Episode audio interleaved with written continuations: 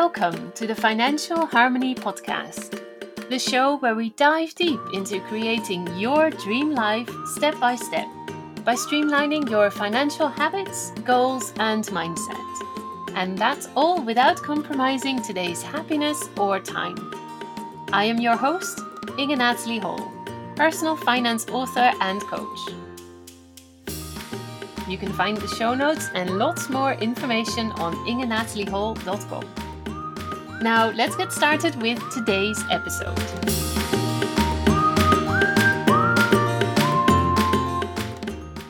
And thank you for listening to another episode of the Financial Harmony podcast. It's podcast number 48, and that made me realize that it's almost been a year. So I started this podcast end of 2020. I think it was the 29th of December that the first three episodes went live. I don't know this um, 100%, but I think it was around that date. So, so yes, it's almost been a year, um, which is quite exciting to think, of course. So, um, so yeah, episode 50 coming up in two weeks. I might do something different for that episode. I don't yet know. I'll give that some more thoughts over the next few days. Today, I want to share with you a shorter podcast, I think, um, and I want to really share and talk about investing because it is something that I know a lot of people are interested in, and it's something that they feel that maybe they should look into more or learn more about. Um, maybe it is something that they feel they should add to their personal finance management systems, but oftentimes it's also the fear or the not knowing, and it seems like a big leap, or it seems like a lot of risk, or a lot of money that you maybe need for it or I don't know that I I, there, I know there's many many reasons and a lot of them I used to think the same thing as well. But today I want to share the biggest advantage of investing really that I'd like you to think about and that is or was definitely for me the biggest reason why I started investing myself as well and that's still one of the biggest ways in which I am building a more secure future uh, more freedom for me and my family. Um, and yeah, as I said, I just want to share this with you because I'd like you to think about this. Investing is um, a great way to make money with money that you already have. And as I said, it doesn't have to be um, associated with a lot of risk, or you don't need an awful, you don't need an awful lot of money to get started. Um, I'm just going to interrupt myself here. I don't know whether you can hear this, but I am recording this episode on my sofa and my one of my dogs is literally lying next to me and he's snoring. I don't know whether you hear this. Maybe you're thinking, "What are you talking about?" Because I don't. I just hear you, but obviously I can hear it, and I don't know whether my microphone is picking up on this sound as well. But anyway, just so you know, if you hear strange noises, that's my dog snoring. So yeah, basically, investing, um, making money with the money you already have. And as I said, a lot of people are maybe scared when it comes to um, getting started. The thing is, if you don't invest, and let's just say that you have all your money in a savings account, the problem is that you're losing money and I'm not sure whether everybody already always realizes this, but if your money is in a savings account, you are losing money. And the reason that you're losing money is principally because the interest rate is close to zero. So you're getting a tiny, tiny, tiny, tiny amount of interest on your money that you have in your savings. And sometimes the interest rate is even negative, meaning that you're paying money in order to store your savings with a bank. But related to that isn't just a small interest rate that you're getting, it's also the inflation rate, because the inflation means that your money uh, goes down in value value over time. So um, I read a recent study that the inflation rate in the Netherlands for October 2021 was 3.4%. That's that's a substantial amount. That means that the that money was worth 3.4% less than October a year ago. So when you first had, let's say, a thousand euros to buy some, buy different products and services, you can get less for that same amount of money now because the prices of services and products have gone up. Um, so you need more money in order to pay for the same things, for the same products or the same services that have the same experiences. So inflation is a very common thing. Um, in good economic times, most countries have an inflation rate of about 2 to 3%. That's usually a good inflation rate. That means that the economy is growing, that people are spending their money, and obviously that contributes to a bigger, um, as said, economic growth. So inflation isn't necessarily a bad thing. The problem arises when the inflation is bigger than the interest rate that you're getting, that you have on your savings, because that is when you are losing money. And I really want you to think about this because a lot of people don't.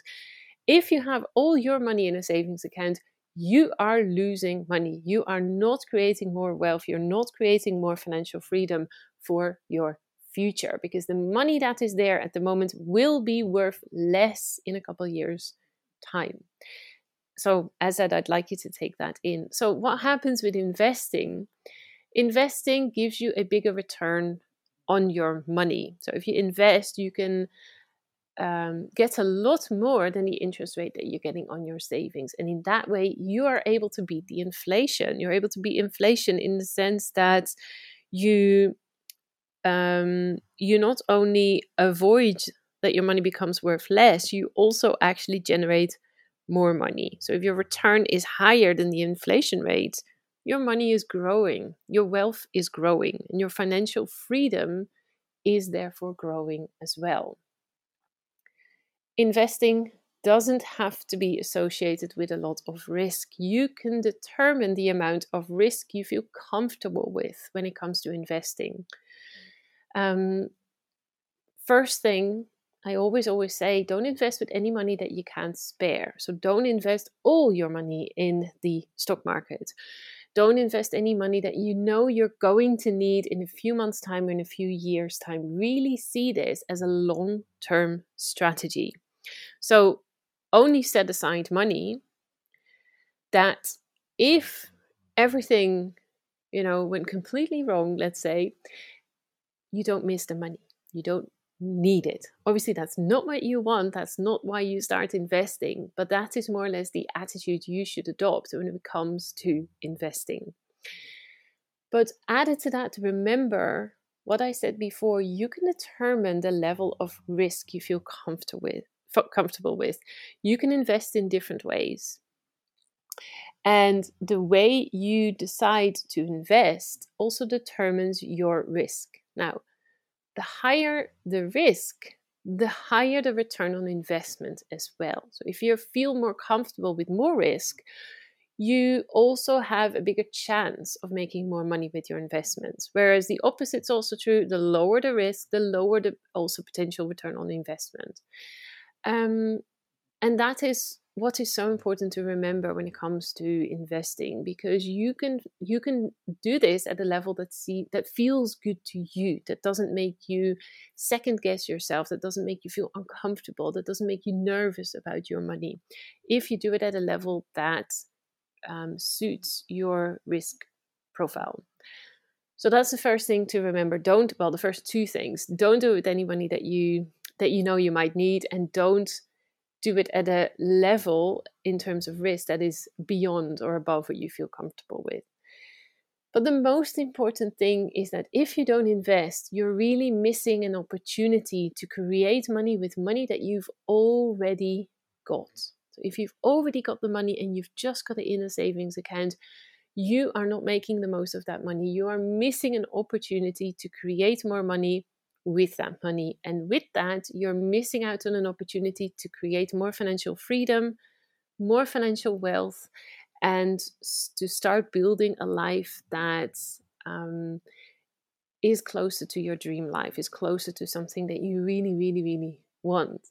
So, my invitation for you today is really to start thinking about this Um, I am at the same time also always in favor in only of only doing something that you um, know enough about. So don't just run to the nearest broker, give them all your money, and say, please invest this.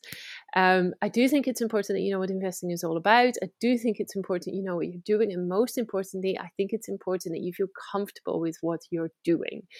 And not knowing anything about investing, I don't think is really that either. I do think it's important you you know at least the basics about investing and that you know at least um, what you're getting yourself into, what the potential risks are, but also what the potential return uh, returns on investment are. Those things are super super important. So that's as a side note. Um, don't just go and start investing all your money. Definitely, there is also value in having savings. I don't see um, investing as a replacement for savings because savings can also be super important. I do see it as an addition to having savings as well. Just as I think it's important to invest in your pension, for example, in your retirement, make sure that you have money going into that on a regular basis as well. So it's more the things all together. It's not one or the other, it's saving and investing. But saving only as that you're losing money, you're not making the most of an opportunity that is there for you as well. So please, please, please think about this. Please consider whether now might be the moment to dive into investing a little bit more, to become a little bit more familiar with what exactly it is and how you might be able to incorporate this into your financial management system.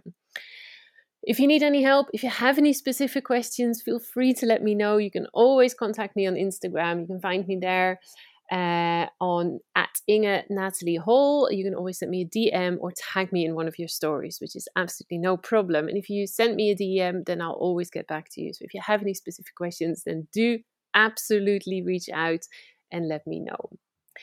As said, this is what I wanted to share with you today. Thank you so much for listening to this episode, and I'll talk to you again soon. Bye for now.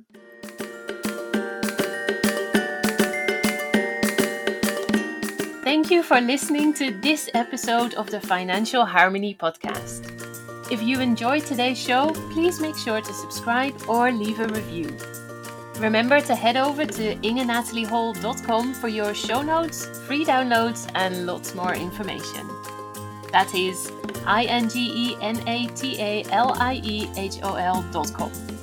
And if you really want to get started working on your dream life, then make sure to download the 10 steps to kickstarting your big dream over at resources.ingenatalieHol.com forward slash dreamlife. You can also find me at Inge Natalie Hol on Instagram as well as on Facebook. New episodes are dropped each Tuesday, and I hope you'll tune in again next time. Until then, have a fabulous week.